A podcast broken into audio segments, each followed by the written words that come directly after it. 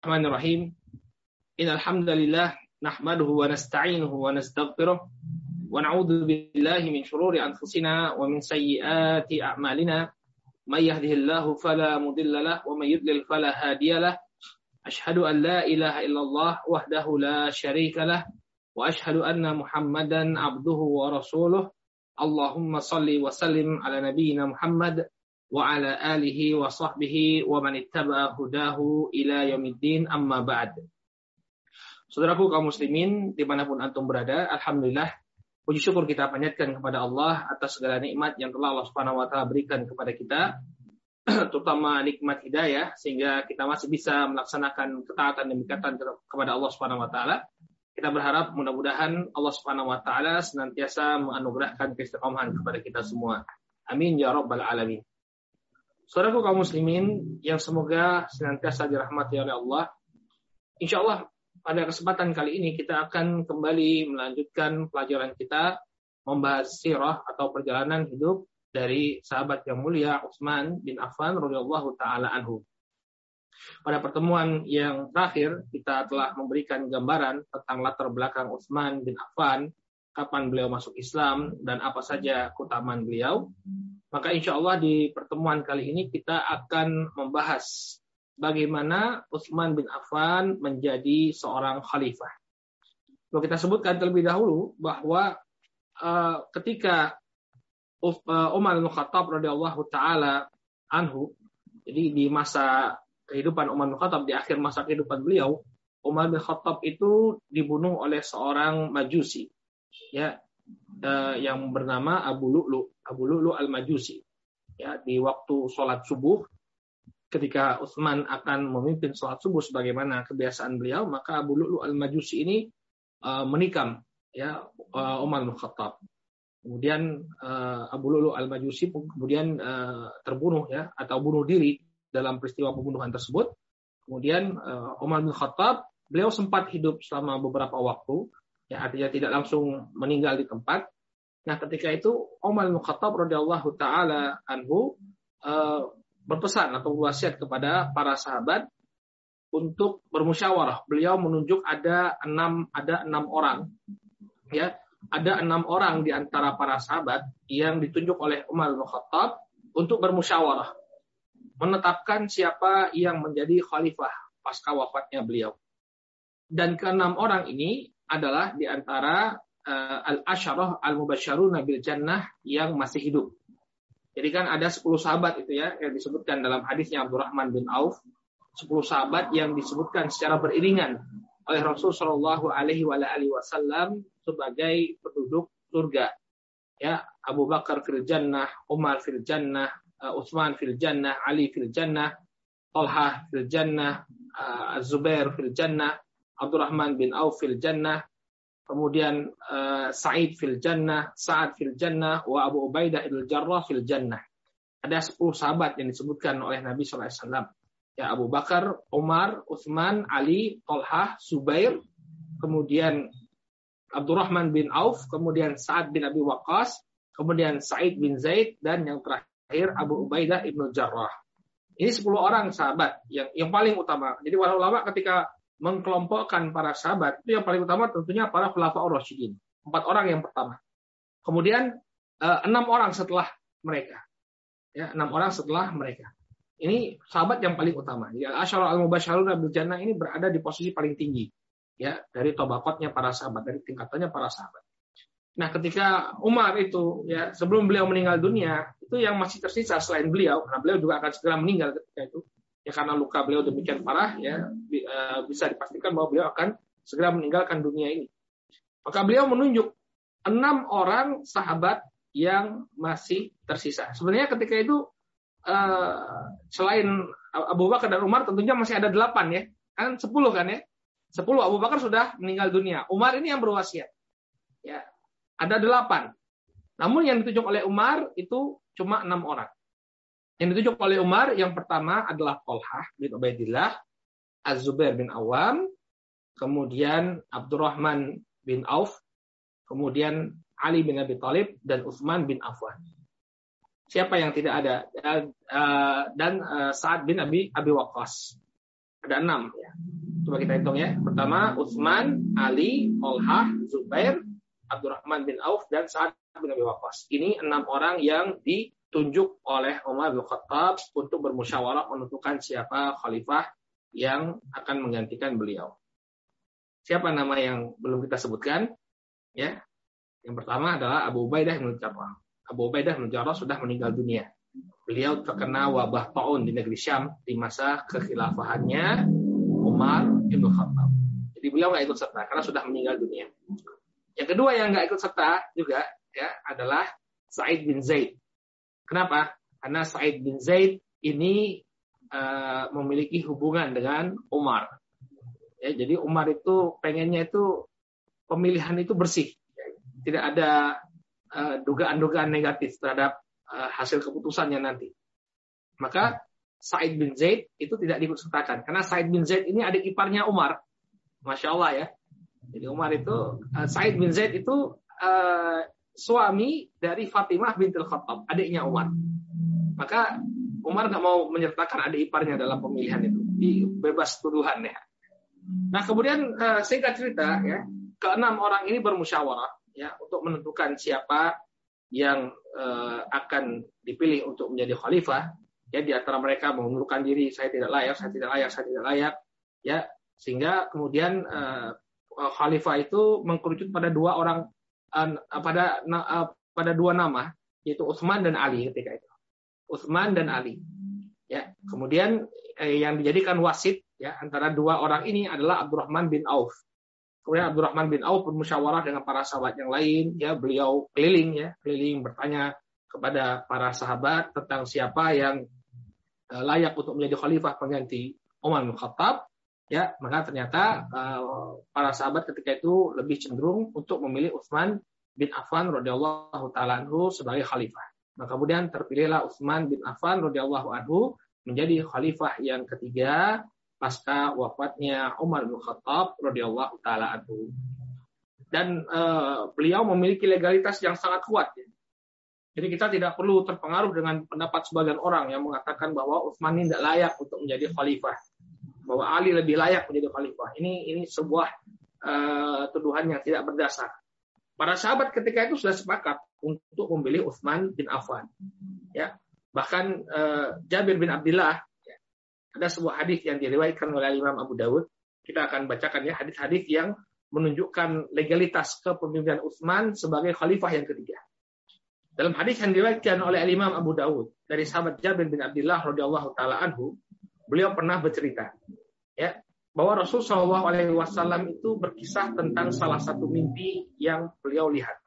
Jadi beliau ditampakkan kepada beliau dalam uh, sebuah mimpi. Kata beliau, "Uriya lailata rajulun salihun anna Abu Bakrin nita bi Rasulillah sallallahu alaihi wasallam." wanita Umar bi Abi Bakar, wanita Utsman bi Umar. Ada seorang laki-laki soleh yang bermimpi. Maksudnya beliau sendiri. Maksudnya beliau Shallallahu Alaihi Wasallam sendiri yang bermimpi. Ketika itu dia melihat bahwa Abu Bakar ya uh, dipautkan bersama Rasul Shallallahu Alaihi Wasallam, dikaitkan dengan Rasul Shallallahu Alaihi Wasallam.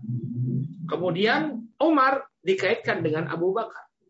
Kemudian Utsman dikaitkan dengan Umar. Nah, maka eh, kata Jabir bin Abdullah radhiyallahu taala anhu yang mengatakan ya, para sahabat ketika itu menarik kesimpulan dari apa yang disampaikan oleh Nabi. Yang bermimpi, yang dikatakan sebagai orang soleh yang bermimpi, ini adalah Nabi Shallallahu Alaihi Wasallam. Jadi beliau tidak menyebutkan bahwa saya bermimpi, tidak. Tapi ada seorang orang yang soleh yang bermimpi. Maksudnya adalah Nabi Shallallahu Alaihi Wasallam. Dan kemudian apa yang disampaikan oleh Nabi Shallallahu Alaihi Wasallam itu, ya setelah itu adalah urut-urutan siapa yang layak untuk menjadi pemimpin. Jadi setelah beliau siapa?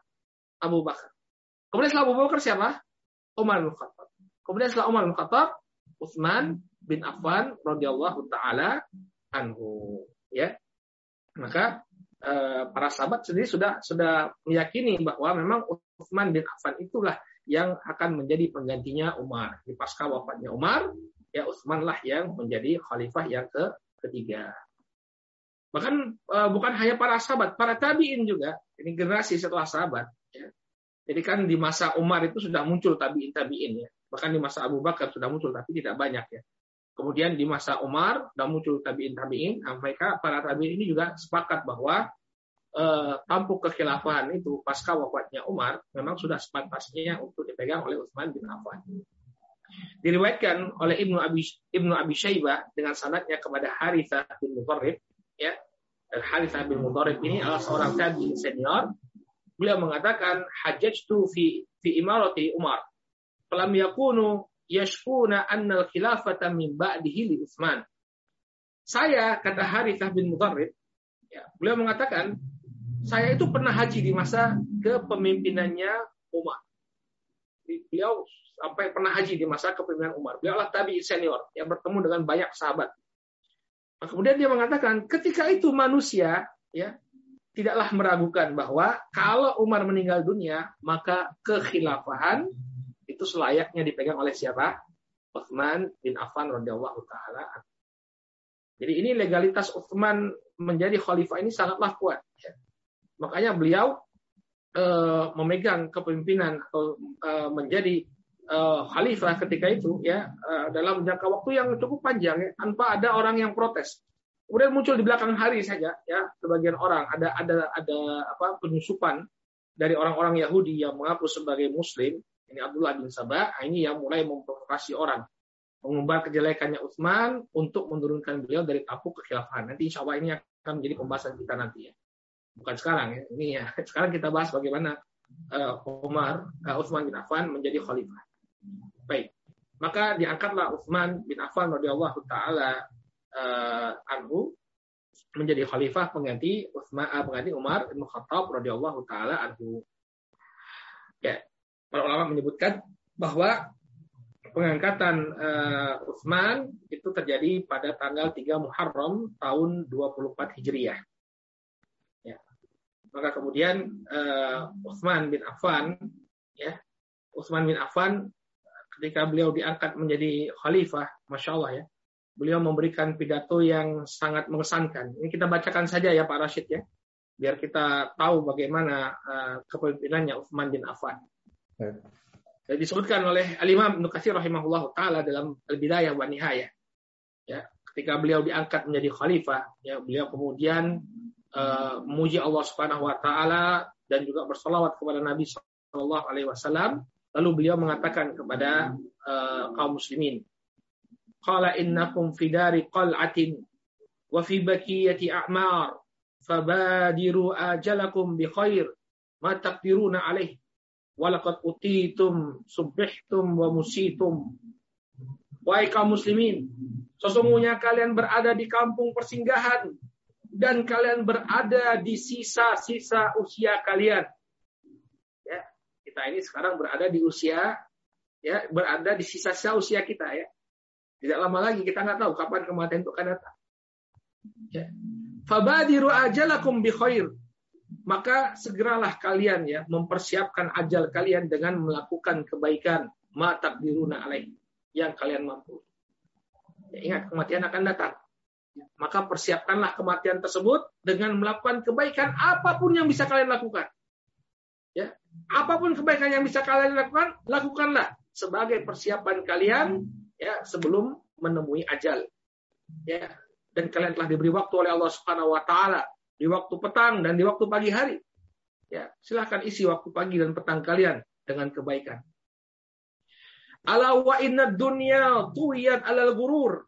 Ya, fala taburannakumul hayatud dunya wala yaghurrannakum billahil ghurur. Ketahuilah wahai kaum muslimin bahwa dunia ini diliputi dengan tipu daya.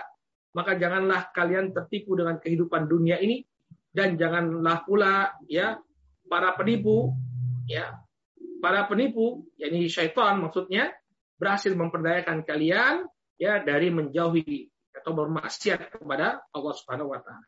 Ya, dunia ini penuh tipu daya, maka hati-hati kalian jangan sampai kalian tertipu dengan kehidupan dunia ini dan jangan sampai pula syaitan itu memperdaya kalian ya. Ketika ingin melakukan amalan soleh, nanti saja, nanti saja, ya waktumu masih panjang, ya Syaitan membisikkan kepada kita ketika kita ingin bersodakoh, nanti hartamu habis, ya. Jangan sodakohkan hartamu, nanti hartamu habis. Syaitan selalu menipu kita, ya, untuk mencintai dunia.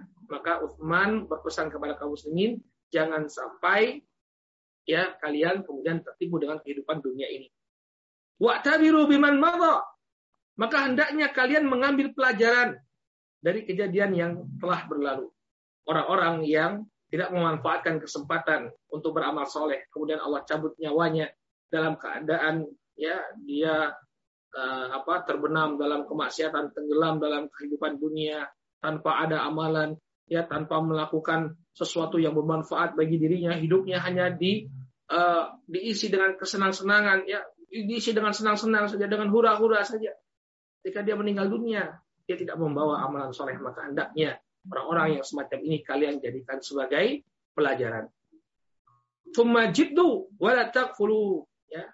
Kemudian maka maka hendaknya kalian bersungguh-sungguh dan janganlah kalian lalai fa innahu la yafiru ankum. Karena sesungguhnya syaitan yang membuat tipu daya itu tidak pernah lalai dari kalian. Baik manusia, jangan lalai. Kenapa? Karena musuh kalian syaitan itu tidak pernah lalai dari kalian. Aina abna'ud dunya wa ikhwanuha alladzina atharuha wa amaruha wa mutti'u biha tawila. Mana anak-anak dunia dan teman-temannya dunia yang begitu terpengaruh dengan dunia, kemudian dia menghabiskan usianya untuk bersenang-senang, alam talfidhuhum, bukankah lebih baik bagi mereka untuk menjauhi itu semua? Ya. Jauhi semua uh, hura-hura dan senang-senang ya. Bersenang-senang dalam dalam kehidupan dunia larut dalam uh, apa lalu dalam uh, kesenang-senangan ya. Artinya menghabiskan waktu untuk bersenang-senang saja tanpa memikirkan akhirat. Ya. Urmu bid dunya haitsu ramallahu biha. Maka lemparkanlah dunia itu sebagaimana Allah Subhanahu wa taala telah melemparnya atau Allah Subhanahu wa taala telah membuangnya watlubul akhirah fa innallaha qad darabalaha masalan billadhi huwa khair. Karena sesungguhnya ya uh, carilah akhirat karena sesungguhnya Allah Subhanahu wa taala telah memberikan permisalan yang terbaik. Kemudian beliau membacakan firman Allah Subhanahu wa taala, "Wadrib lahum masalal hayati dunya kama in anzalnahu minas sama' fakhtalata bihi nabatul ard fa asbaha hashiman tadhuhu riyah wa kana Allahu ala kulli syai'in muqtadira. Dan berilah perumpamaan kepada manusia bahwa kehidupan dunia ini seperti air hujan yang kami turunkan ke langit, ya turunkan dari langit, kemudian tumbuh-tumbuhan itu menjadi subur. Namun kemudian apa yang terjadi? Ya, tumbuh-tumbuhan itu kemudian mengering lalu ditiup oleh angin. Ya, kehidupan dunia seperti itu ya. Hijau, namun semuanya akan ada akhirnya. Kemudian kata Allah Subhanahu wa taala, ya, wa kana Allahu ala kulli syai'in muqtadira. Allah itu Maha Kuasa atas segala sesuatu. Al-malu wal baruna zinatal hayati dunya wal baqiyatu salihatu khairun inda rabbika thawaba wa khairun amala. Ya, harta dan anak-anak adalah perhiasan kehidupan dunia. Namun ingatlah amalan-amalan yang kekal, amalan-amalan saleh ini lebih baik pahalanya di sisi dan lebih baik untuk menjadi harapan bagi kalian. Luar biasa sekali pidato uh, Uthman bin Affan ya kepada kaum muslimin ya mengingatkan mereka untuk memperbanyak amalan soleh dan ingat kehidupan dunia ini hanya sementara. Persiapkanlah kehidupan akhirat kalian dengan baik. Waktu kalian di dunia ini hanya sebentar. Oleh karena itu jangan pernah kalian menyanyiakan kesempatan yang Allah berikan untuk mempersiapkan akhirat kalian. Ya. Demikian juga beliau radhiyallahu anhu ketika beliau diangkat menjadi khalifah beliau meng, uh, mengirimkan surat kepada pegawai-pegawai pemerintahan, ya, para amir, para gubernur, para komandan-komandan militer, para bendahara-bendahara Baitul Mal. Beliau kirimkan surat yang memerintahkan mereka untuk amar ma'ruf nahi mungkar, kemudian mentaati Allah dan Rasulnya. Ya. Jadi kita bisa melihat ya bagaimana uh, seorang pemimpin yang ideal ya ketika uh, dia diangkat menjadi pemimpin dia paham bahwa sekarang saya pemimpin, ada orang-orang yang berada di bawah tanggung jawab saya. Maka merupakan kewajiban bagi saya untuk mengarahkan mereka mencari ridho Allah Subhanahu wa taala. Itu pemimpin yang baik. Dan ini kita terapkan dalam keluarga kita. Anda kalau jadi kepala keluarga, ingat ya, Anda bertanggung jawab atas anak dan istri. Ya. sadari bahwa kita punya tanggung jawab. Pemimpin menjadi pemimpin itu bukan hanya kita jadi bos ya, punya kuasa, enggak. Kita bertanggung jawab. Nanti akan diberi, di, dimintai pertanggungjawaban oleh Allah Subhanahu wa taala. Kullukum ra'in wa kullukum mas'ulun an ra'iyatih. Setiap kalian adalah pemimpin dan setiap pemimpin akan dimintai pertanggungjawaban, akan ditanya oleh Allah Subhanahu wa taala. Ya. Maka inilah uh, wasiat dari Utsman bin Affan ya kepada kaum muslimin dan juga kepada pegawai-pegawai pemerintahan ya di awal kekhilafahan beliau. Nah, kemudian di awal eh, ketika beliau menjadi khalifah, beliau dihadapkan dengan permasalahan yang cukup pelik. Ini ketika eh, Umar Ibn Khattab radhiyallahu taala anhu meninggal dunia ya eh, dibunuh oleh seorang majusi, maka salah seorang putra Umar yaitu Abdurrahman bin Umar ya, dia marah.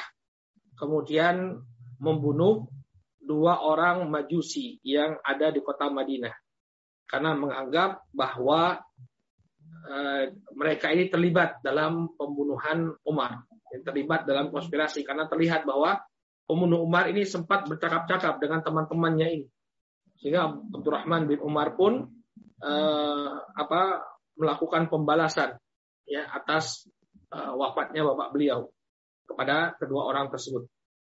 Nah kemudian orang-orang uh, terjadi perbedaan pendapat di kalangan para sahabat Ya, ketika itu Utsman sudah jadi khalifah. Ya. Atau enggak, ketika kasus itu terjadi, Utsman belum jadi khalifah. Jadi Umar itu sedang berada di di atas ranjangnya yang menanti kematian. Ya, Utsman belum diangkat jadi khalifah ketika itu. Kemudian putranya melakukan balas dendam. Ya. Maka inilah kasus pertama yang dihadapi oleh Utsman bin Affan ketika beliau menjadi khalifah. Apa hukuman yang harus diberikan kepada Abdurrahman bin Umar? Sebagian para sahabat mengatakan bahwa uh, Abdurrahman bin Umar harus dikisos karena dia telah melakukan pembunuhan. Sebagian lagi mengatakan, masa kita mengkisos anaknya padahal bapaknya saja baru saja terbunuh. Ya.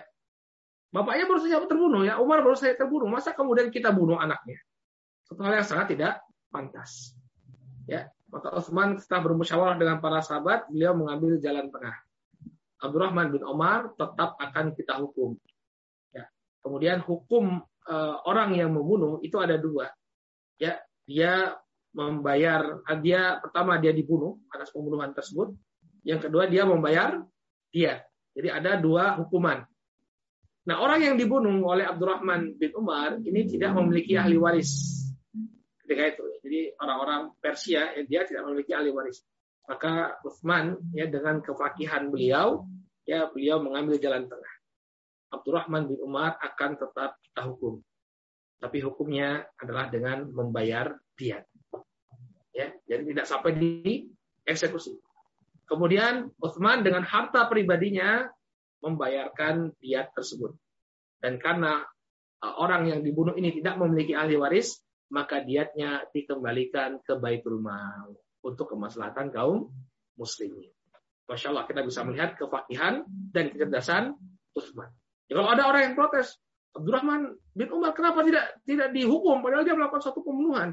Oh dihukum, dia dihukum kok. Dihukum dengan apa? Dengan pembayaran dia. Ya.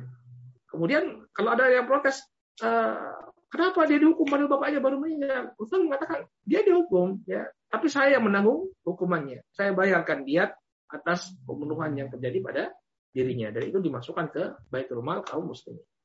Ya, maka dengan demikian ya keputusan Utsman bin Affan pun diterima oleh kaum muslimin. Dan nah gini kita bisa melihat ya bahwa jadi pemimpin itu harus cerdas ya. Harus cerdas ya. Banyak permasalahan yang dihadapi uh, di tengah-tengah masyarakat yang membutuhkan kecerdasan dan kedalaman fikih.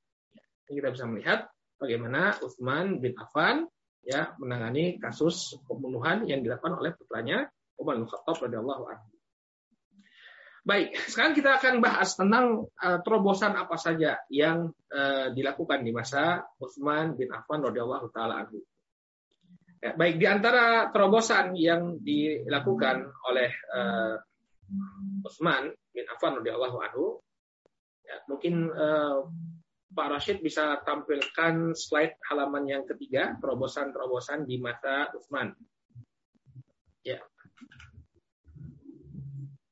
Nah, itu. Di fullkan saja, Pak. Bisa di fullkan saja. Oh. Ya, yang ketiga. Nah, nah ini dia. Nah, ini uh, di antara terobosan-terobosan yang dilakukan oleh Utsman bin Affan, ya. Di antaranya Utsman uh, bin Affan melakukan perluasan Masjid Nabawi. Ya, jadi di masa Umar bin Khattab ya terjadi penaklukan banyak sekali ya terjadi penaklukan sehingga uh, banyak orang-orang masuk Islam dan kota Madinah itu berubah menjadi kota metropolis ya. Kita ya kota metropolis orang-orang datang dari mana-mana banyak sekali uh, penduduk kota Madinah yang berasal dari luar Kemudian mereka pun bermukim di kota Madinah. Kota Madinah ketika itu menjadi ibu kota Daulah Islamiyah. Maka kemudian uh, Utsman bin Affan melakukan perluasan Masjid Nabawi. Dan ini uh, sudah dilakukan oleh uh, Umar bin Khattab. Adapun yang dilakukan oleh Utsman, ya beliau hanya melanjutkan apa yang dilakukan oleh uh, Umar. Ya, ketika itu beliau me menyemangati para sahabat untuk atau menyemangati kaum muslimin untuk ikut serta dalam perluasan Masjid Nabawi. Ya, beliau membawakan hadis Nabi Shallallahu Alaihi Wasallam, "Man bana lillahi masjidan, falau ka mafhasi banallahu lahu baitan fil jannah." Barang siapa yang membangun masjid, walaupun itu hanya eh, sebesar sangkar merpati, maka Allah akan bangunkan rumah di surga baginya. Ya, maka dari sini Utsman bin Affan uh, apa mengatakan ya kepada para sahabat, tadi seolah beliau mengatakan kepada para sahabat, kontribusi apa pun yang bisa Anda berikan untuk pembangunan masjid itu pasti akan diganti oleh Allah Subhanahu wa taala. Walaupun Anda tidak membangun satu masjid secara utuh, ya, tapi Anda ikut kontribusi dalam pembangunan uh, masjid, jadi pasti akan dibalas oleh Allah Subhanahu wa taala dengan surga. Ya, jadi jangan sampai kemudian dipahami menurut Usman di sini ya. Kita itu man, man bana uh, masjidan ya. Barang siapa yang membangun masjid, artinya kita harus bangun masjid secara utuh. Ada sebagian di antara kaum muslimin ya, terutama saudara kita di Timur Tengah, kalau dia ingin bangun masjid, dia mau bangun uh, masjid itu dari A sampai Z-nya. Nggak mau orang lain ikut serta. Ini keliru ya. Sebenarnya dia bangun saja masjid. Kemudian kalau ada orang yang ingin membantu berkontribusi, ya maka harus diterima ya.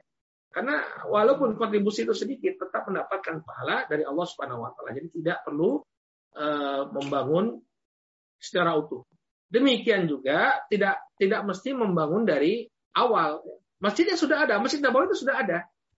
Ya, tapi Utsman menjadikan dalil menjadikan hadis yang berbicara tentang keutamaan membangun masjid, ya uh, beliau tarik ini ke dalam permasalahan apa? memperluas perluasan Masjid Nabawi.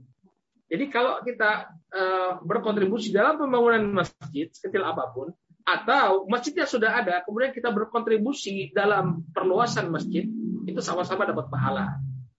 Sama-sama dapat pahala yang yang sama. Anda mau membangun masjid dari nol atau memperluas masjid, ya, uh, maka itu pahalanya pahalanya sama. Ya, inilah yang dijadikan dalil oleh Utsman bin Affan radhiyallahu anhu. Ya, kita tidak membangun baru Masjid Nabawi, Masjid Nabawi sudah ada, kita perluas.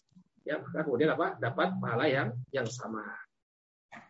Kemudian yang kedua, beliau juga melakukan perluasan Masjidil Haram. Ya. Jadi Masjidil Haram itu juga diperluas di masa beliau. Jadi beliau memper, memperlebar Masjidil Haram. Ya, jadi beliau membeli tanah-tanah, ya tanah-tanah yang ada di sekitar Masjidil Haram. Uh, dan ketika itu ya di masa Uthman Eh, rumah-rumah itu masih banyak ya, masih berada di eh, berada di sekitar Ka'bah itu masih banyak. Maka beliau beli rumah-rumah ini, kemudian dibebaskan tanah-tanahnya sehingga eh, tempat orang untuk tawaf itu semakin luas. Tempat orang untuk tawaf itu semakin semakin luas. Ya, ini dilakukan juga di masa Utsman bin Affan radhiyallahu taala. Nah, kemudian yang ketiga, ini yang menarik ya. Ini yang menarik ya di masa Utsman bin Affan ya eh, apa dibentuklah angkatan laut pertama bagi kaum muslimin. Jadi sebenarnya begini, ini eh, menarik juga nih ya, sejarah sejarah terbentuknya angkatan laut ya eh, di tengah-tengah kaum muslimin. Eh, ketika itu Muawiyah bin Abi Sufyan, Muawiyah bin Abi Sufyan eh, di masa kekhilafahan Umar, uh, Umar Ya, Muawiyah ini sudah jadi gubernur, gubernur negeri Syam. Nah, Muawiyah ini kan eh, karena beliau berada di daerah terluar dari wilayah kaum muslimin, beliau sering berhadapan dengan musuh, sering berhadapan dengan orang-orang Romawi. Nah, beliau melihat orang Romawi ini punya angkatan laut, punya angkatan angkatan laut. Maka uh, peperangan itu pasti akan terjadi di laut ya. Mereka bisa menyerang kaum muslimin dari laut. Sehingga kita harus punya armada kapal. Kita harus punya uh, angkatan laut untuk menghadapi mereka. Ya. Nah, kemudian Muawiyah pun mengirimkan surat kepada Umar Ibn Khattab sebagai khalifah ya agar diberikan izin membentuk angkatan laut. Nah, kita tahu ya bangsa Arab itu adalah bangsa yang tinggal di gurun pasir. Mereka jarang sekali berinteraksi dengan laut. Ya, mereka jarang berinteraksi dengan laut. Maka ketika itu Umar e, meminta masukan dari sahabat Amr bin Al-As. Ya, kisahnya disebutkan oleh Imam At-Tabari dalam tarikh beliau dan juga dinukilkan oleh Imam Nukati rahimahullah. Nah, ketika itu beliau bertanya kepada Amr bin Al-As, ini ada usulan untuk membentuk angkatan laut. Gimana menurutmu? Ya, apa pendapatmu tentang kapal? Ya, maka Amr bin Al-As menuangkan uh, apa menjelaskan pengalamannya kepada Umar. Ya bahwa naik kapal itu satu hal yang mengerikan. Kita sendiri bisa merasakan ya. ya kita bisa merasakan ya kalau yang pernah naik kapal ya. Apalagi ketika berada di tengah uh, ombak yang demikian besar ya. Ada badai ya. Uh, kemungkinan untuk tenggelam itu sangat dimungkinkan ditelan ombak tenggelam karam ya maka ini disampaikan oleh Amr bin Al-As kepada Umar bin Khattab maka ketika mendengar pendapatnya Amr bin Al-As ini ya Umar mengatakan wah kalau itu ini membahayakan kaum muslimin. Ya sudah kata uh, Umar bin Khattab, kita jangan bikin angkatan laut. Kenapa? Karena ini membahayakan. Naik kapal itu mengerikan. Maka di masa Umar bin Khattab tidak terjadi, ya, tidak terbentuk angkatan laut. Nah, tapi Muawiyah bin Abi Sufyan, Muawiyah ini juga sosok uh, apa sosok sahabat yang cerdik ya, yang cerdas. Beliau melihat, wah nggak bisa ini kalau kita nggak punya angkatan laut ya kita bisa jadi santapannya orang-orang Romawi. Orang Romawi punya angkatan laut yang yang luar biasa. Ya. Dan e, penaklukan itu tidak selalu bisa kita lakukan lewat darat. Kita harus menyeberang. Ya. Musuh-musuh kita tuh ada di seberang lautan. Jadi kita harus menyeberang. Maka Muawiyah memberanikan diri ketika Umar meninggal dunia, kemudian Utsman bin Affan ya yang menjadi khalifah, beliau kembali mengajukan proposal pembentukan angkatan laut. Kemudian beliau mengatakan, ini orang Romawi itu sudah kita dengar apa posisi mereka itu sudah sangat dekat ya. Sehingga kita perlu membuat apa istilahnya barrier gitu ya dari serangan mereka. Perlu ada angkatan laut yang mencegah mereka dari di laut. Nah, kemudian Utsman mengizinkan Muawiyah untuk membentuk angkatan laut dengan catatan. Dengan catatan. Ya, ketika Eh, kapal-kapal itu sudah dipersiapkan, ya tidak boleh ada paksaan. Kalau ada yang tidak mau naik kapal, jangan dipaksa untuk jadi angkatan laut. Silahkan bagi siapa yang ingin ikut, ingin eh, terdaftar menjadi angkatan laut, silahkan. Tapi kalau mereka tidak mau, ya jangan dipaksa. Kemudian apa? Alhamdulillah Muawiyah pun diberi izin oleh Utsman bin Affan, maka beliau pun eh, apa membentuk angkatan laut pertama ya bagi kaum muslimin. Nah, jadi kalau ada eh, apa ada kuis begitu ya, siapa yang pertama kali membentuk angkatan laut? Ya, jawabannya adalah sahabat Muawiyah bin Abi Abi Sufyan ya. Jadi sahabat Muawiyah ini termasuk sahabat yang didolimi ya. Kita hanya sering mendengar kejelekan-kejelekannya saja ya. Eh, karena eh, beliau yang mendirikan eh, dinasti Umayyah ya jadi yang kedengaran yang jelek-jeleknya padahal luar biasa kiprah beliau terhadap kaum muslimin baik ini yang ketiga ya kemudian yang keempat penyatuan mushaf Al-Quran ya ini juga terjadi di masa Utsman bin Affan ya bedakan dengan penyatuan Al-Quran di masa Abu Bakar ya kalau di masa Abu Bakar ini juga pernah terjadi penyatuan Al-Quran dan kalau di masanya Abu Bakar itu eh, terjadi perang melawan Nabi palsu Musailimah, namanya perang Yamamah. Nah di perang Yamamah itu para penghafal Al-Quran itu banyak yang meninggal dunia. Ya, di antaranya adalah Salim Maula Abi Hudzaifah. Ya, salah satu sahabat yang direkomendasikan oleh Rasulullah SAW untuk diambil bacaan Al-Qur'annya. Salim Maula Abi Hudzaifah itu gugur dalam pertempuran Yamamah. Nah, kemudian para sahabat mengusulkan kepada Abu Bakar, Pak Abu Bakar, ini banyak para penghafal Al-Quran yang terbunuh. Kita harus punya dokumentasi Al-Quran. Ya, kita harus punya dokumentasi Al-Quran. Jadi tidak bisa kita kemudian menyandarkan pada hafalan para kurok saja, para penghafal saja. Kita perlu dokumentasi tertulis Al-Quran. Maka kemudian terjadilah penyatuan Al-Quran pertama kalinya di masa uh, Abu Bakar As-Siddiq. Jadi Al-Quran itu tidak terkumpul ya. Di masa Rasulullah itu belum terkumpul. Dia ditulis, ya, ditulis dalam lembaran-lembaran, ya, tapi tidak terkumpul menjadi satu buku, enggak. Ya, kapan itu terjadi? Di masanya Abu Bakar As-Siddiq radhiyallahu taala Nah, kemudian apa bedanya dengan penyatuan Al-Qur'an di masa Utsman? Ya, jadi ceritanya di masa Utsman eh, apa penaklukan negeri-negeri itu sudah semakin luas. Nanti kita akan bahas setelah ini ya. Setelah terobosan-terobosan ini kita akan bahas penaklukan-penaklukan di masa Utsman bin Affan radhiyallahu taala jadi penaklukan di masa Utsman itu sudah sangat luas. Banyak orang-orang yang baru masuk Islam dari berbagai etnik. Ya, dari berbagai etnik. Orang Azerbaijan ketika itu ya, Azerbaijan, kemudian eh, apa orang Armenia ya. Mereka masuk Islam ketika itu Armenia dan Azerbaijan berada di bawah kekuasaan kaum muslimin. Yang kemarin perang itu loh, Armenia sama Azerbaijan, yang menang Azerbaijan. Armenia itu sekarang jadi negeri Nasrani. Azerbaijan jadi negeri muslim tapi Syiah. Hmm. ya, dia dibantu oleh Turki menang. Ini perang beberapa bulan yang lalu. Ya. Nah dulu Armenia sama Azerbaijan ini berada di bawah kekhilafan kaum muslim. Cuma kemudian ya karena mereka ini ya berasal dari etnik non Arab, mereka belajar ya kepada orang-orang yang telah masuk Islam sebelum mereka. Nah, ketika Al-Qur'an itu diturunkan, ketika Al-Qur'an itu diturunkan, Al-Qur'an itu diturunkan dengan tujuh dialek. Ya, jadi kan ada orang yang dari Mekah walaupun sama bahasanya Arab, tapi mereka memiliki dialek-dialek tersendiri. Sehingga orang-orang yang baru masuk Islam ini ketika itu bingung. Lah saya kok saya bacanya seperti oleh guru saya saya diajari bacanya seperti ini. Yang lain mengatakan, "Loh enggak, guru saya kok ngajarinya seperti ini, berbeda."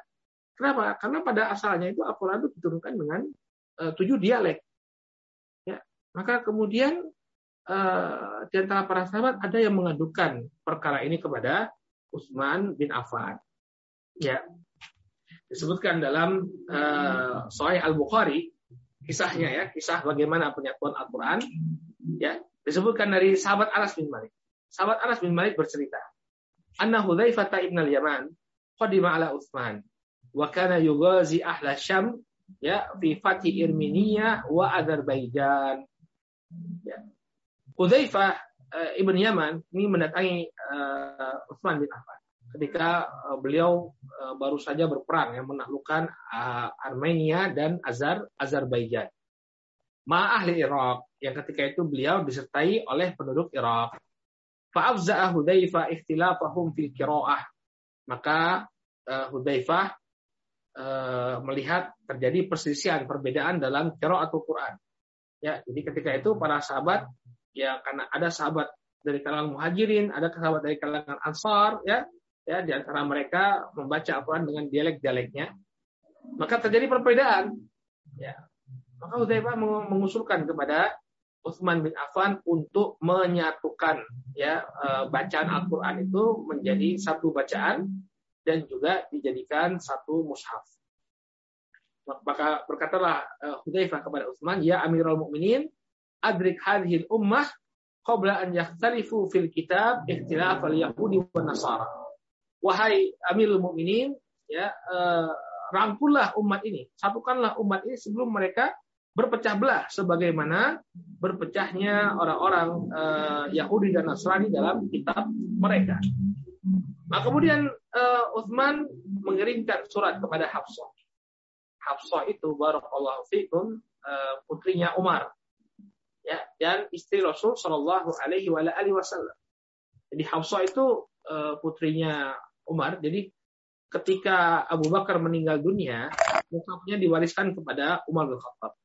Ketika Umar meninggal dunia, mushaf yang di, yang dijadikan standar tadi atau mushafnya Abu Bakar tadi ya diwariskan atau diberikan oleh Umar kepada Hafsah putri beliau. Karena putri beliau ini juga uh, istri Nabi kan, istri Nabi. Jadi dia memiliki kedudukan. Jadi uh, Umar memberikan mushaf itu kepada Hafsah. Nah, kemudian Utsman pun meminta Hafsah untuk menyerahkan mushaf tersebut untuk dijadikan standar penyalinan. Maka kemudian Hafsah pun memberikan uh, mushaf tadi kepada Utsman.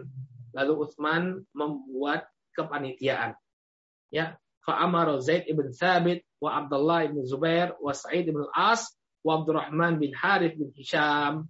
Ya, beliau membuat satu tim yang anggotanya adalah Zaid bin Thabit, kemudian Abdullah bin Zubair, Sa'id bin Al-As dan Abdurrahman ibn Harith bin Hisham. Nam fanasahuha fil masahib. Kemudian ya mereka menyalin uh, Quran standar tadi ya ke lembaran-lembaran lainnya. Jadi dibuat kopian Al-Quran dari mushafnya Abu Bakar. Nah, kemudian untuk menyatukan bacaan tersebut, ya, beliau berpesan kepada tim penyalin Al-Quran, kata beliau, waqala Utsman li rahti al-Quraisy al-Quraisyin as-salasah, ya. Maka kemudian uh, Utsman berpesan kepada uh, panitia yang berasal dari Quraisy. Jadi Zaid bin Thabit itu Ansor ya. Beliau dari uh, orang apa? Dari sahabat yang berasal dari Madinah. Adapun tiga sahabat yang lainnya, panitia yang lainnya itu dari Quraisy. Maka beliau berpesan, ya, kalau ada perbedaan antara uh, Zaid ibn Thabit, Zaid bin Thabit yang merupakan uh, penduduk kota Madinah di kalangan Ansor, kalau dia berbeda dengan kaum Muhajirin, maka yang diambil adalah bacaannya kaum Muhajirin. Ya, kenapa? Karena kaum Muhajirin ini orang-orang Quraisy.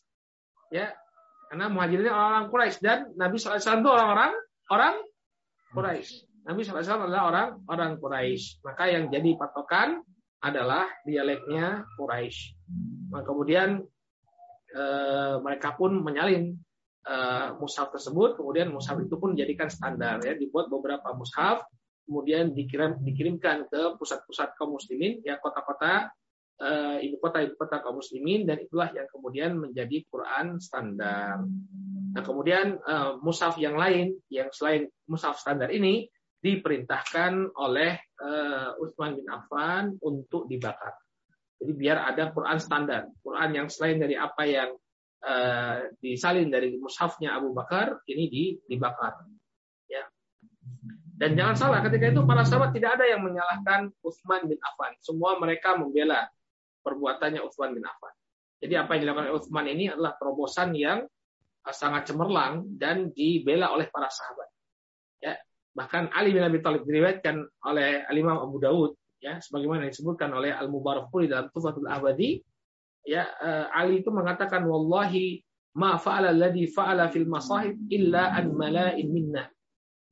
Ali itu mengatakan wallahi demi Allah apa yang dilakukan oleh Uthman terhadap musaf-musaf Al-Quran yang beliau jadikan satu, kemudian beliau bakar Al-Quran lainnya yang berbeda, itu semua atas izin dari kami.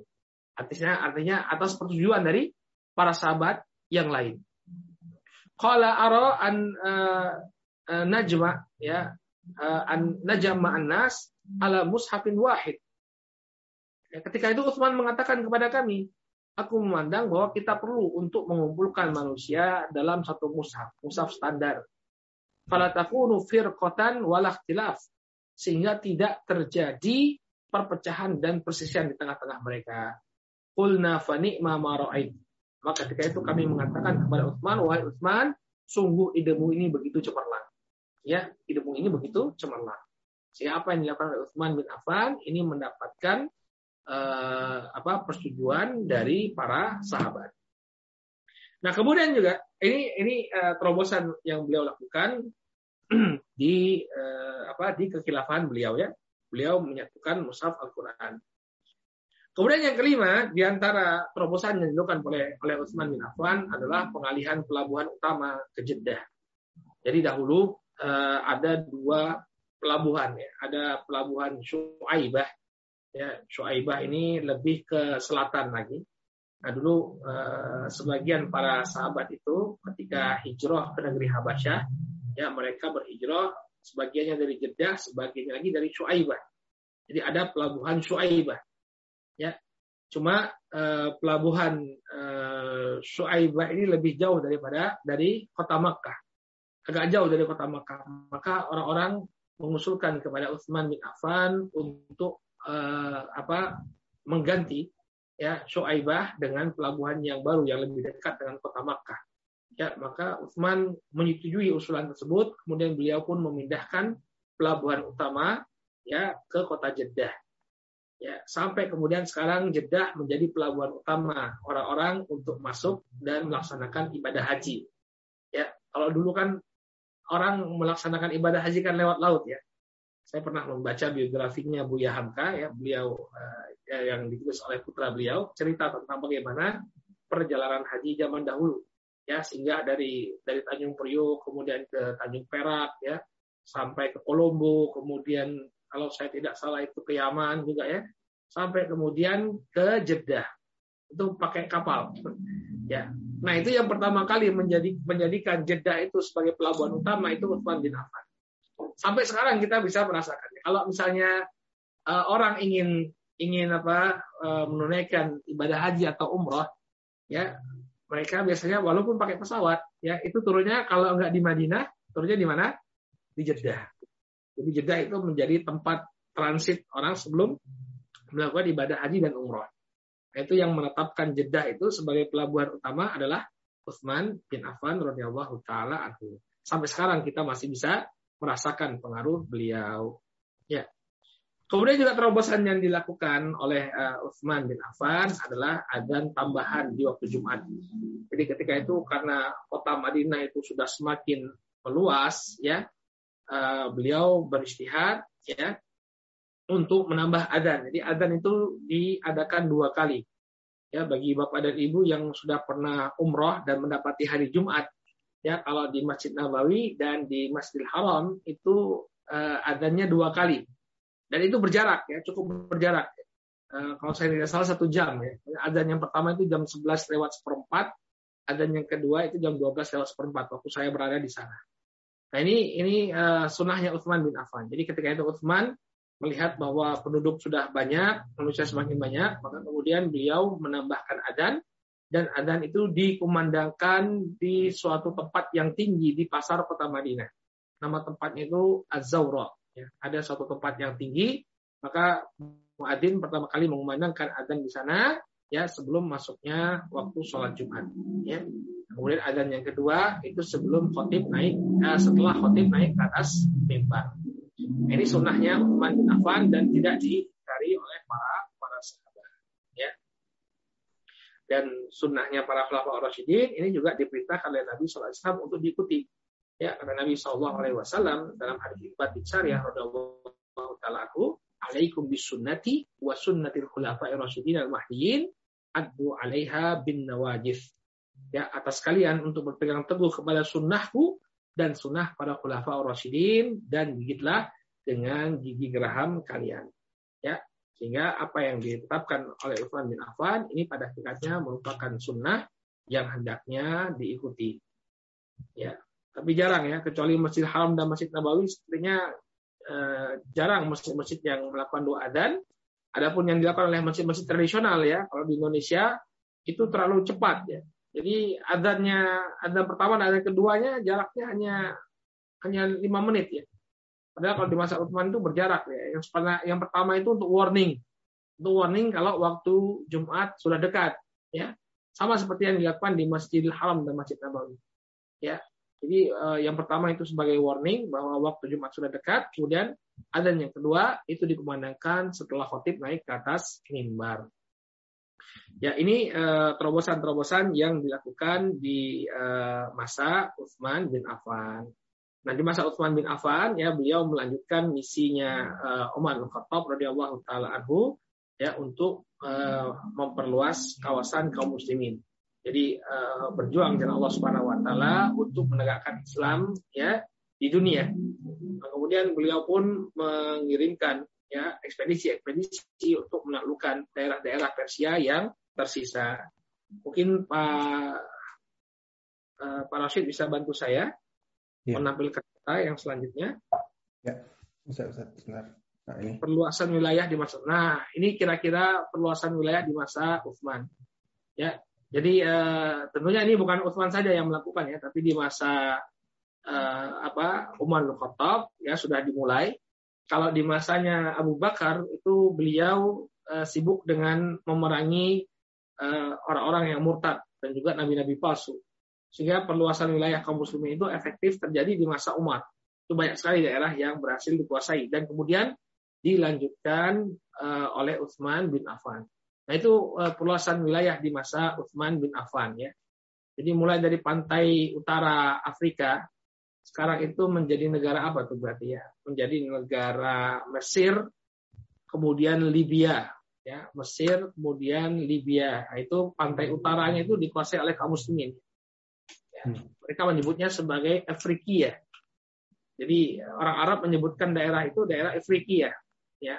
Daerah Afrika Utara ini. Afrika Utara itu Afrika mereka menyebutnya. Maka jadilah benua itu benua Afrika. Ya benua Afrika. Jadi berawal dari uh, penamaan kaum muslimin. Ya kita fokus di itu dulu pak. Ya ya, ya kepencet. Iya. Ya kemudian uh, negeri Syam ya. Uh, itu itu apa kerjaannya Muawiyah bin Abi Sufyan itu ya di bagian utara itu ya daerah kekuasaan kaum muslimin itu sampai ke utara ya, kalau sekarang masuk ke wilayah uh, Turki. Ya. Jadi sebagian wilayah Turki itu sudah dikuasai oleh kaum muslimin sejak masanya Utsman bin Affan. Kemudian ke arah barat, ya ke arah barat, ya Persia itu habis semua di masa Utsman bin Affan. Semuanya berhasil dikuasai oleh kaum muslimin, bahkan sampai ke perbatasan Afghanistan, ya, ya sampai ke uh, Turkmenistan, ya kemudian Uzbekistan, sebagian dari Uzbekistan, ya itu menjadi wilayah kaum muslimin.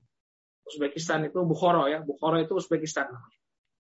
Baik, ya. nah ini adalah wilayah kaum muslimin. Bandingkan dengan wilayah di masa Nabi Sallallahu Alaihi Wasallam ya.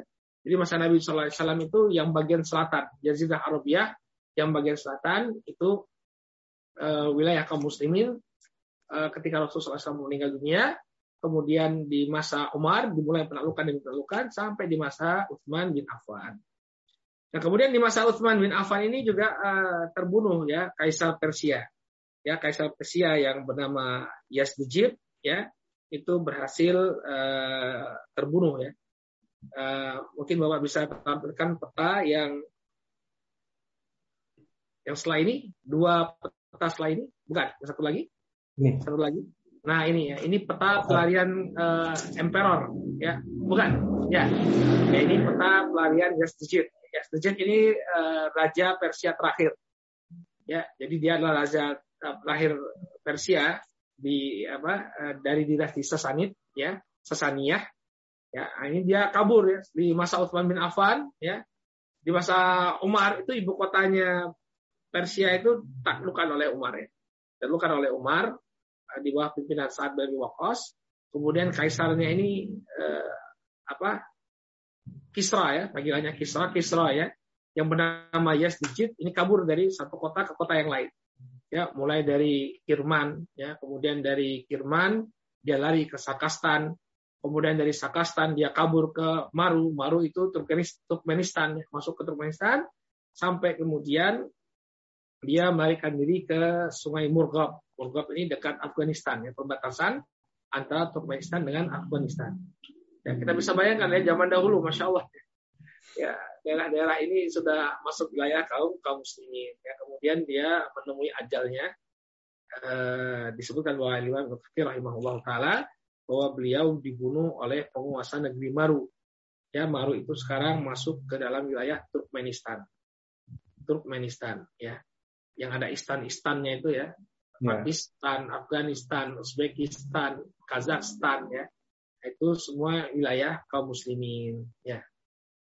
Nah kemudian juga uh, ada perang yang uh, menarik juga ya uh, di masa Utsman. Banyak peperangan-peperangan yang sebenarnya bisa kita angkat. Tapi di antara yang menarik untuk kita angkat di sini adalah penaklukan Cyprus ya. Uh, Cyprus. Yang sebelumnya Pak. Peta sebelumnya. Ini nah Cyprus ini kalau sekarang saya nggak tahu masuk Eropa apa enggak ya? Sepertinya enggak ya. Cyprus itu sekarang itu terbagi jadi dua wilayah. Sebagian dikuasai oleh Turki, sebagiannya dikuasai oleh Greek kalau nggak salah ya, sama Yunani kalau saya tidak salah ya. Nah ini ditaklukkan di masa Utsman bin Affan ya. Jadi ketika Utsman bin Affan itu di, diberi apa diberi uh, kewenangan oleh uh, maaf Muawiyah itu diberi kewenangan oleh Utsman bin Affan, jadi beliau membentuk uh, pasukan laut, kemudian uh, dengan pasukan laut itu uh, beliau melakukan penaklukan termasuk ke Cyprus.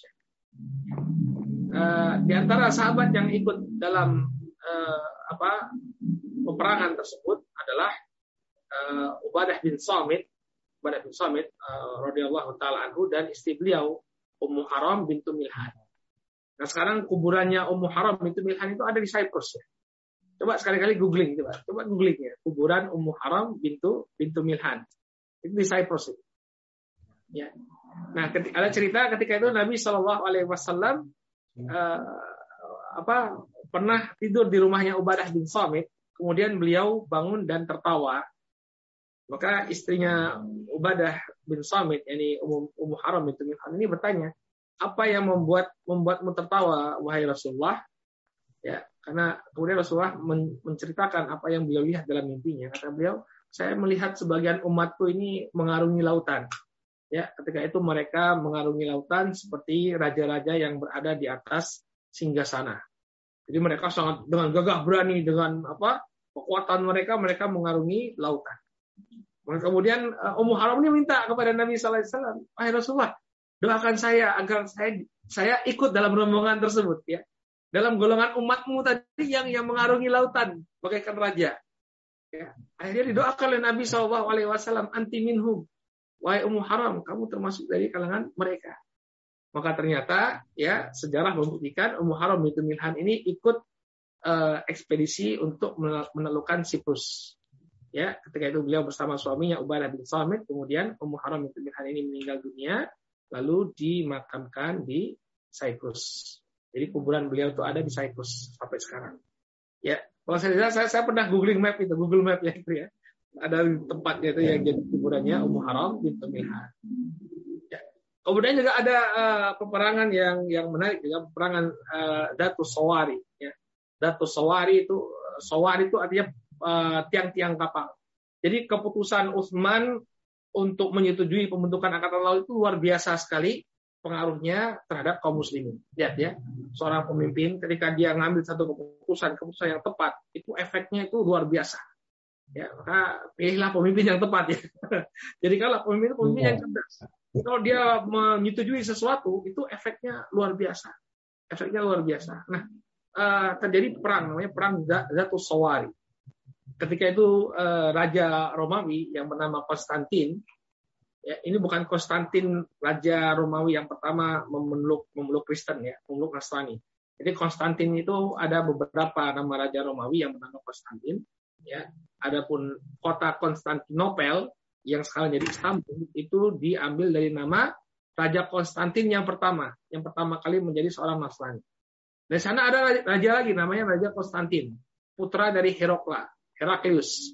Nah, Heraklius ini raja yang pernah berkorespondensi dengan Nabi Shallallahu Alaihi Wasallam di masa Nabi SAW masih hidup. Kemudian dia punya anak namanya Konstantin. Nah ini hidupnya di masa Utsman bin Affan.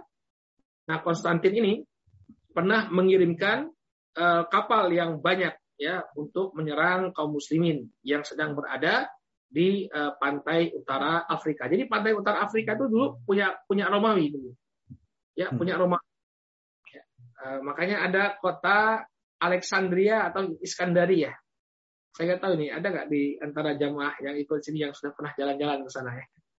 Iskandaria itu kotanya Yunani tapi berada di Mesir yang mendirikan Alexander the Great, ya orang Yunani, orang Makedonia Yunani.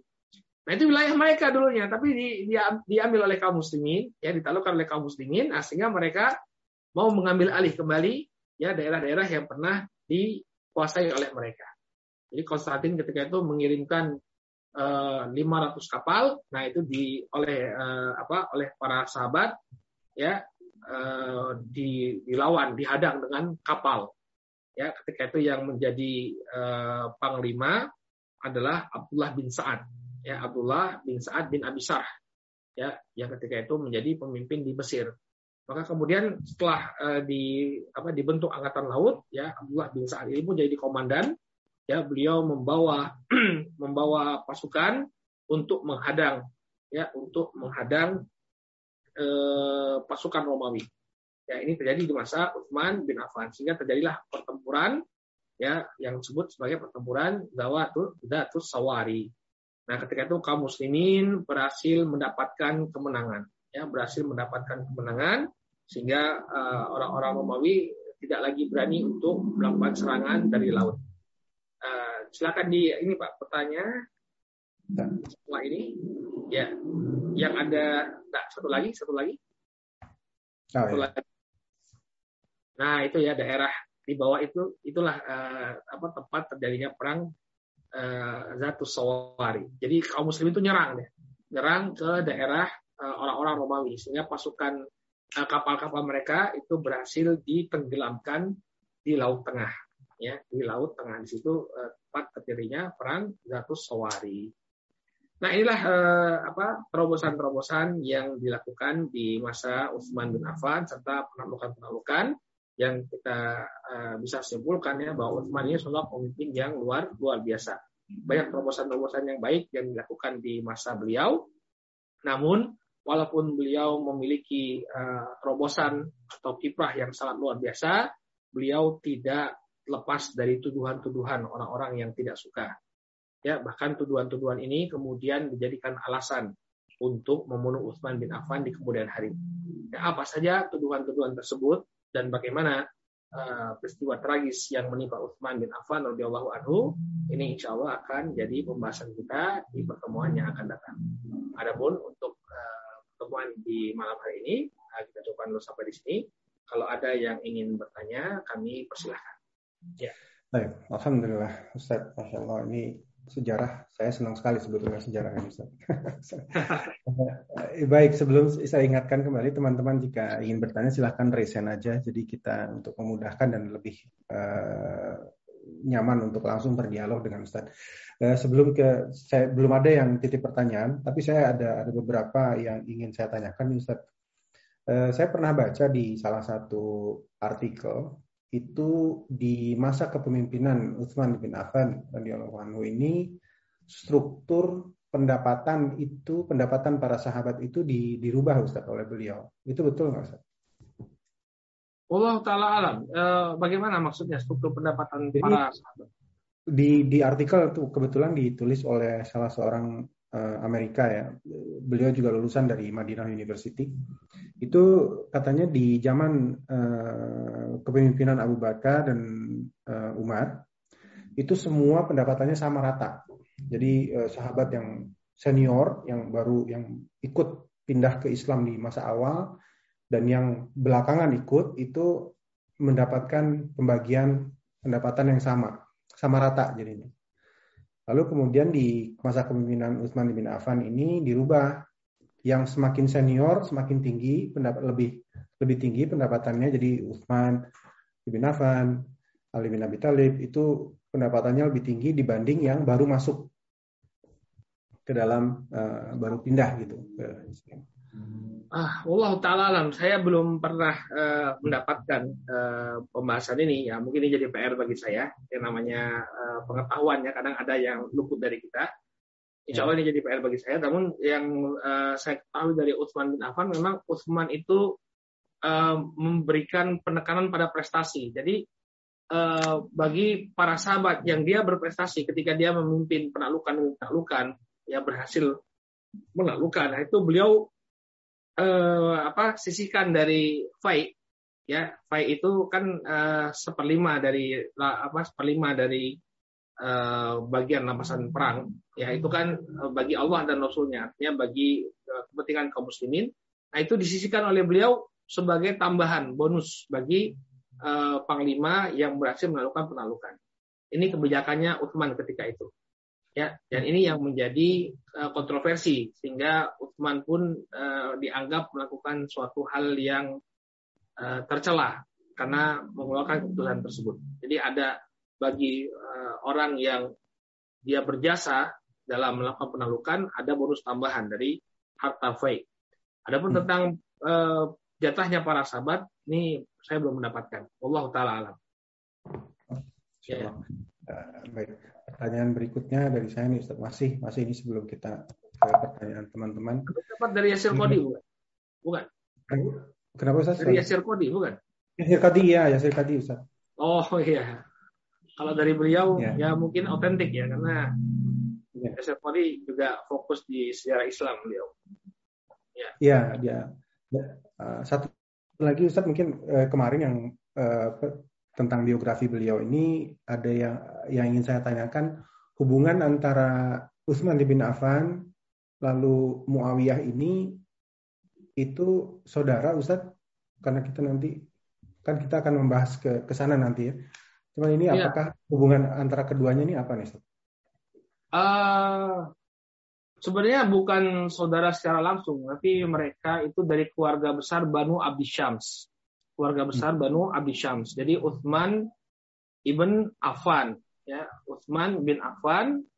Adapun uh, Muawiyah itu Muawiyah bin Abi Sufyan ibn al-As. Jadi yang sepupu dengan uh, Utsman itu sebenarnya Abu Sufyannya, berarti apa ya keponakan jauh ya. Nah, uh, ya. ya, tapi mereka dari klan yang besar di di tengah-tengah Quraisy, yakni uh, Banu Abdi Syams, ya hmm. Banu Abdi Syams. Dan di masa uh, di masa jahiliyah Banu Abdi Syam ini sudah memiliki kedudukan. Jadi mereka memang orang-orang ternamanya Quraisy ketika itu yang banyak pegang-pegang posisi ya Abu Sufyan kan kita tahu ya, di masa beliau masih kafir kan beliau jadi panglima perangnya apa? Ya. Panglima perangnya kaum musyrikin kan? Musyrikin ya. Ini nanti berlanjut. Uh, tuduhan Utsman itu melakukan KKN ya salah satunya karena banyak Banu Abi Syam ini yang jadi pemimpin. Hmm. ya, padahal apa? Padahal uh, kepemimpinan mereka itu sudah sejak lama, sejak masa jahiliyah. Mereka itu sudah karena saking banyaknya mereka ya yang memegang kepemimpinan maka itu berlangsung ya berlangsung diberi tetap diberi kepercayaan di masanya uh, para sahabat di masanya para ulama rasyidin ya jadi hubungannya itu uh, kalau saya tidak salah sepupu apa keponakan ya keponakan nah. anak dari sepupu ya oh, oke okay. jadi sepupuannya dengan Abu Sufyan ya Ustaz? dengan Abu Sufyan ya baik baik ini ada satu pertanyaan yang sudah baru masuk nih Ustaz saya, saya share screen Bismillah. Uh, ini di mana ibu kota kekhalifah, kekhalifahan Utsman bin Affan dan bagaimana beliau mengontrol ke, mengontrol kekhalifahnya pada saat itu. Ya, ibu kota kaum muslimin itu sama ya. Di masa Rasulullah SAW sampai di masa Utsman itu ibu kotanya di Madinah. Ya, hmm. ibu kotanya di Madinah.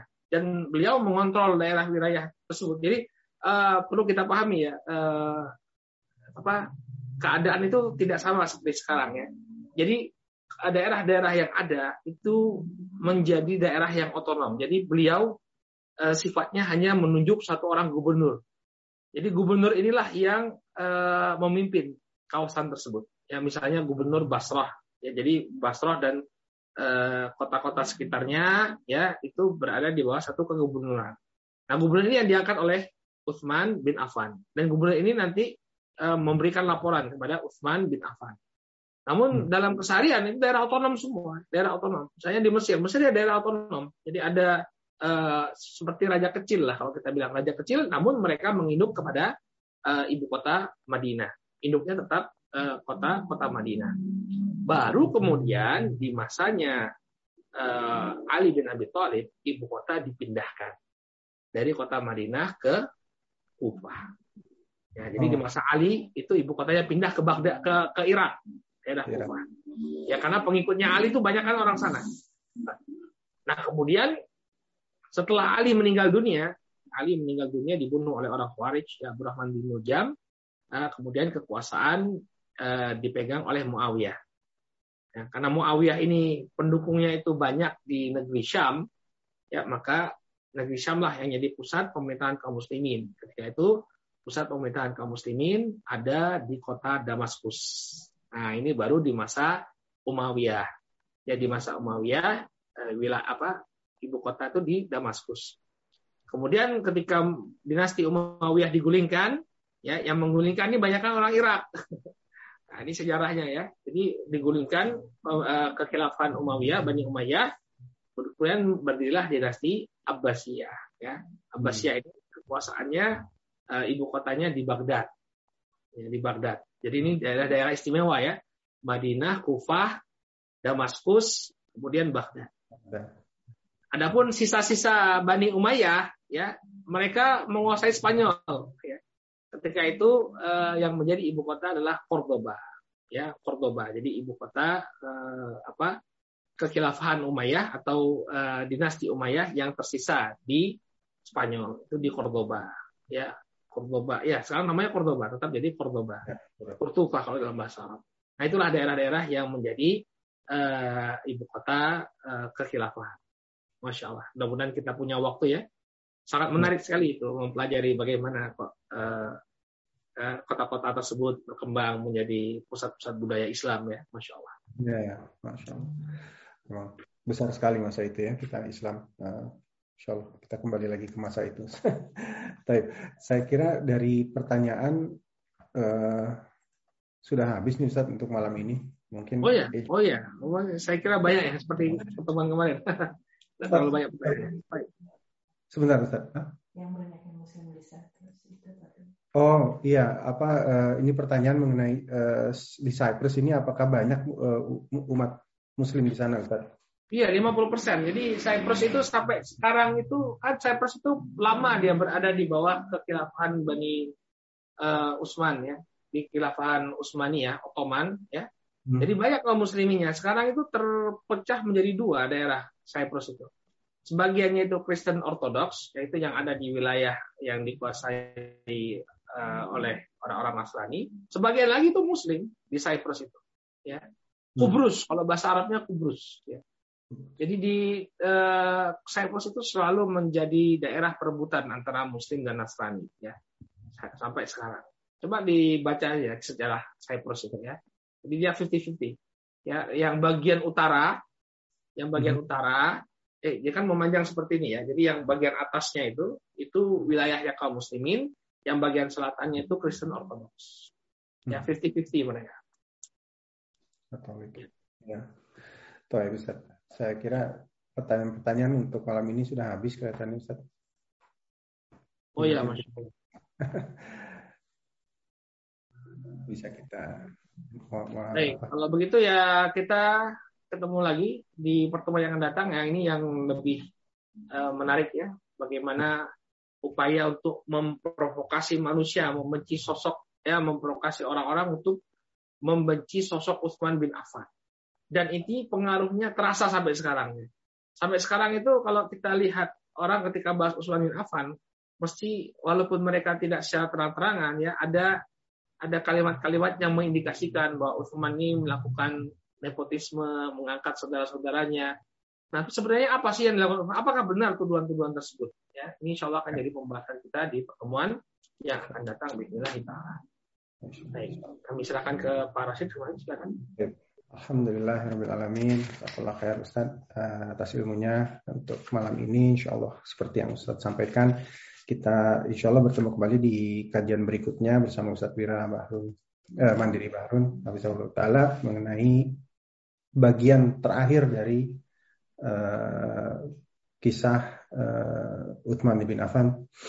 Hafizahullah. Eh, Baik, uh, saya kira mari kita tutup bersama-sama dengan kifaratul majelis. Subhanakallahumma wa bihamdika Asyhadu an la ilaha illa anta astaghfiruka wa atubu Dari kami, dari eh, pengurus, kami mohon maaf jika ada kesalahan, kekurangan, baik dalam perkataan maupun sikap. Insya Allah kita bertemu kembali di lain waktu. Barakallahu fikum. Wabillahi taufiq wa hidayah. Wassalamualaikum warahmatullahi wabarakatuh. Waalaikumsalam.